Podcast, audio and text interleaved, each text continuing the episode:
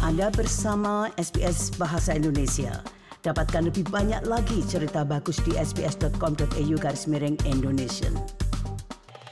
Angie Yunaneta uh, mungkin dikenal sebagai finalis MasterChef Indonesia untuk season 10 dan kamu berada di posisi berapa?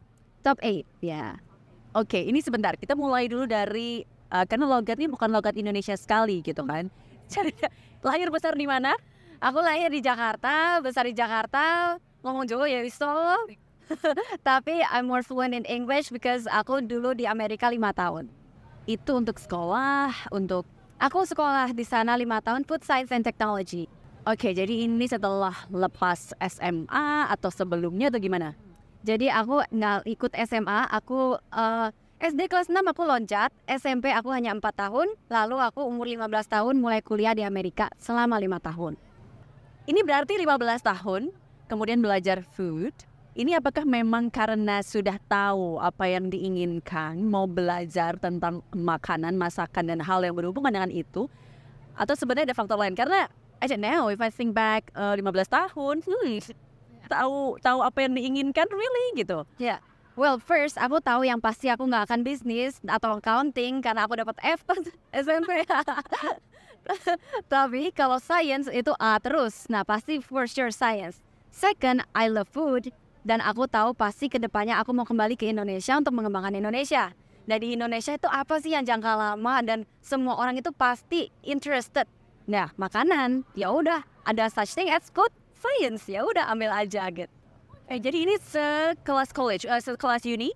Ya betul. Jadi uni itu lima tahun untuk food science ya.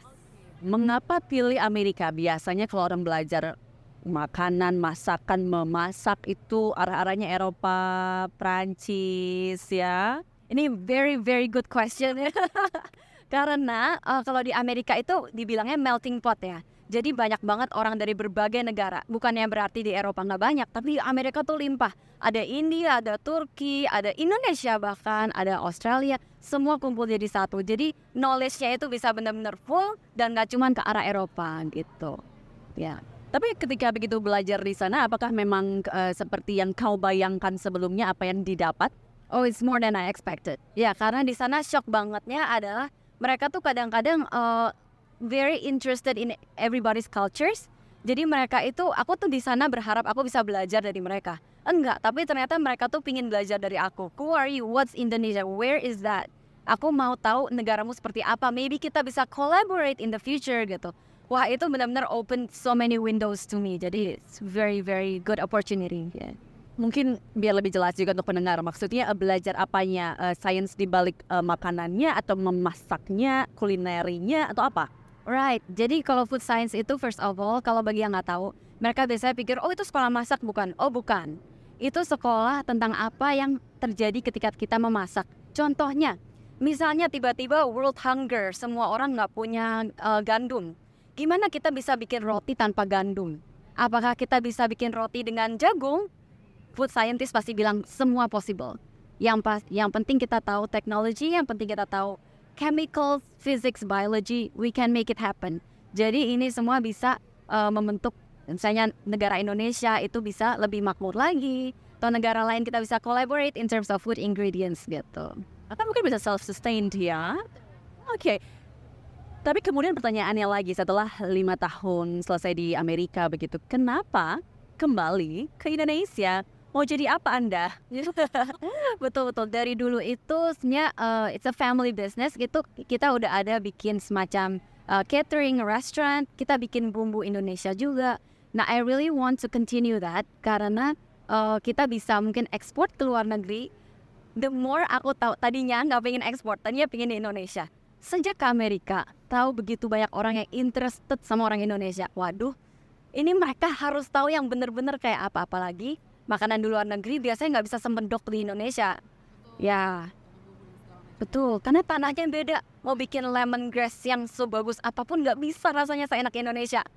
Ya, jadi kayaknya aku harus ekspor nih. Jadi aku bikin sekarang ngembangin bumbu namanya The Pesisir untuk aku bisa ekspor. That is why I'm here di INM 2023. Aku pengen tahu apa aja yang ada di sini gitu. Pertanyaan terkait dengan Master Chef sekarang nih ya. Um, siapa yang mendorong chef up atau apa yang membuatmu tertarik untuk ikutan Master Chef? Karena kan ini beda urusan nih, maksudnya nggak cuma tentang pengetahuan makanannya, tapi memasak begitu. Jadi dirimu juga jago masak? It's funny when I say that I'm jago masak myself, but thank you. Uh, ya, yeah, I guess so karena top 8, tapi uh, it was a surprise as well karena sebetulnya dorong tuh teman-teman. Uh, sebetulnya 99% of my classmate yang food science itu nggak bisa masak. Jadi ketika mereka tahu aku bisa masak, wah itu berarti kamu bisa gabungin food science knowledge sama dapur. Wah that's like complete set gitu. Nah kenapa kamu nggak ikut master chef? Karena food science itu esensinya adalah kalau kamu nggak punya satu ingredient, you don't give up. You choose another thing. Nah, masalahnya di Master Chef itu kita dapat ingredient aneh-aneh kan. Terus kadang-kadang kita harus masak, tidak boleh pakai pisau. Caranya gimana? That's very food science gitu. Nah, teman-teman dorong dan orang tua setuju. Aku sendiri doubtful of myself. I just I went for it. Ya udah bisa. Um, momen yang paling diingat mungkin dari pengalaman Master Chef-nya ada nggak sih? Wah banyak banget ya karena kita tuh di karantina selama lima bulan. Handphone disita, dimasukin ke dalam satu, kalau bisa satu kamar tuh banyak orang dan gitu sehari-hari. Yang pasti itu kita ketemu berbagai macam orang, background berbeda-beda. Dan serunya mereka tuh dikit yang chef banget kayak sekolah masak. Jadi kita bisa talk about food, kita ngomongin tentang masakan dari uh, personality, perspektif yang berbeda-beda. Businessman talk about food, dokter ada yang talk about food, Nah itu semua memperkaya each other gitu. Dan tentunya juri-juri tuh kasih masukan, udah kayak sekolah masak lah itu keren banget. Tapi kita nggak diajarin masak di sana. Hmm. Bener-bener. Ya, yeah, just go for it. Drilled every single day like a military person gitu. It's crazy. Ya. Yeah. Yeah, yeah. Tapi kemudian setelah uh, lolos juga dari Master Chef, ini apakah kemudian pemikiran bisnisnya tidak hanya untuk produk uh, bumbunya, ekspornya aja, akankah ke I don't know, let's say rumah makan?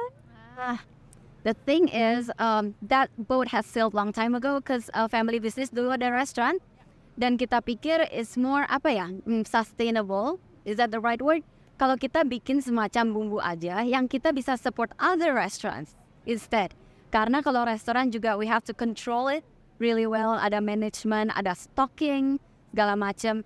Too much work. Maybe kita bisa standardize bumbu spices. We can support local businesses, support restaurants instead ya itu mungkin lebih sustainable gitu.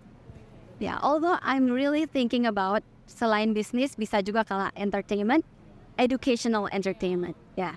Sudah ada tawaran biasanya kalau jebolan Master Chef kemudian uh tawarannya berlanjut. Betul. Nah, itu yang there's a downside to it as well. Kadang kalau tawaran kita tend to uh, lupa diri kita siapa ya. Aku maunya ini, wah ini. Tapi orang oh endorsein dong barangnya jelek misalnya Nah, itu harus ada wisdom juga kita memilah mana yang kita promote misalnya. Atau kita bisa give them advices, good advices supaya local businesses ya sebagai counselor gitu. Akhirnya aku jadi counselor juga. Unintentionally, I work as a counselor, aku uh, support local businesses, give them advices gitu. Tapi kalau dari bumbu sendiri itu lebih banyak untuk saat ini ya, uh, lebih banyak untuk memang di lokal Jakarta atau Indonesia atau memang sudah sampai mana yang usaha ekspornya tadi? Right, uh, kalau di Indonesia aku udah di modern trade, which means supermarket semuanya udah cover mostly, uh, dan juga online is a huge thing di Jakarta, GoFood, Gojek, whatever itu udah semua. Uh, kalau luar negeri itu sekarang lagi urus ekspornya dan lain-lain dan through INM 2023 I got connections, jadi hopefully in the near future bisa keluar juga. Tapi sekarang keluar negeri udah dibawa sama students yang misalnya mereka holiday ke Indonesia, go back to Germany, France, mereka bawa bumbu. Jadi mulai dikenalkan penyebarannya ini, oke. Okay. Tapi bumbu yang paling uh, laris bisa dibilang begitu? Kasih tiga yang paling laris apa sih? Ya, yeah, good question. Mungkin yang orang Indonesia juga kayak apaan tuh gitu ya? Rawon. Ya, yeah, people would think rendang, but no rawon. Bahkan di MasterChef pas audisi, uh, mereka tuh sangat pingin kontestan bisa me-introduce Indonesian food ke orang Indonesia juga. Jadi pas aku bikin masakan Spanish, Mexican, Greek, kamu yakin kamu bisa masak Indonesia? I just tell them, chef, rawon kok enak loh gitu. They immediately believe gitu kan. Um, dan ya is, itu best seller di udah pesisir sekarang. Ya. Yeah. Number two uh, soto, number three rendang, keempat woku. Ya.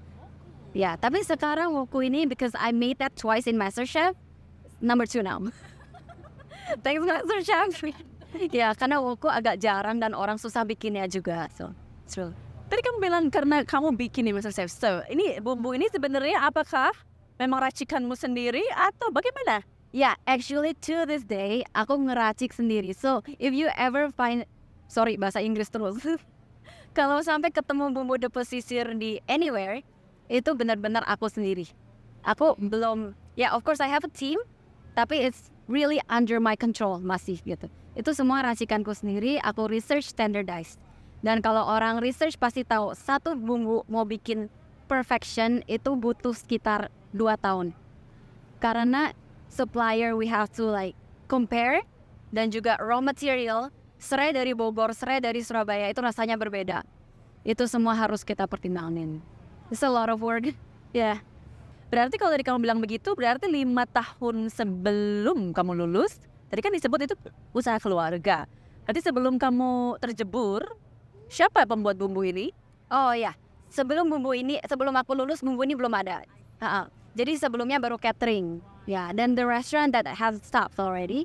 Jadi we continued with uh, bumbu sejak aku lulus, ya. Yeah. Tapi before it was my parents. Aku lulus 2017. Tapi the brand The Pesisir adalah dulunya tuh restoran. Tuh. Terima kasih banyak sudah bisa ngobrol mendadak dengan SBS Indonesia. Enzi, thank you. Thank you for letting me share all the stories with you. Anda ingin mendengar cerita-cerita seperti ini? Dengarkan di Apple Podcast, Google Podcast, Spotify, atau di mana pun Anda mendapatkan podcast Anda.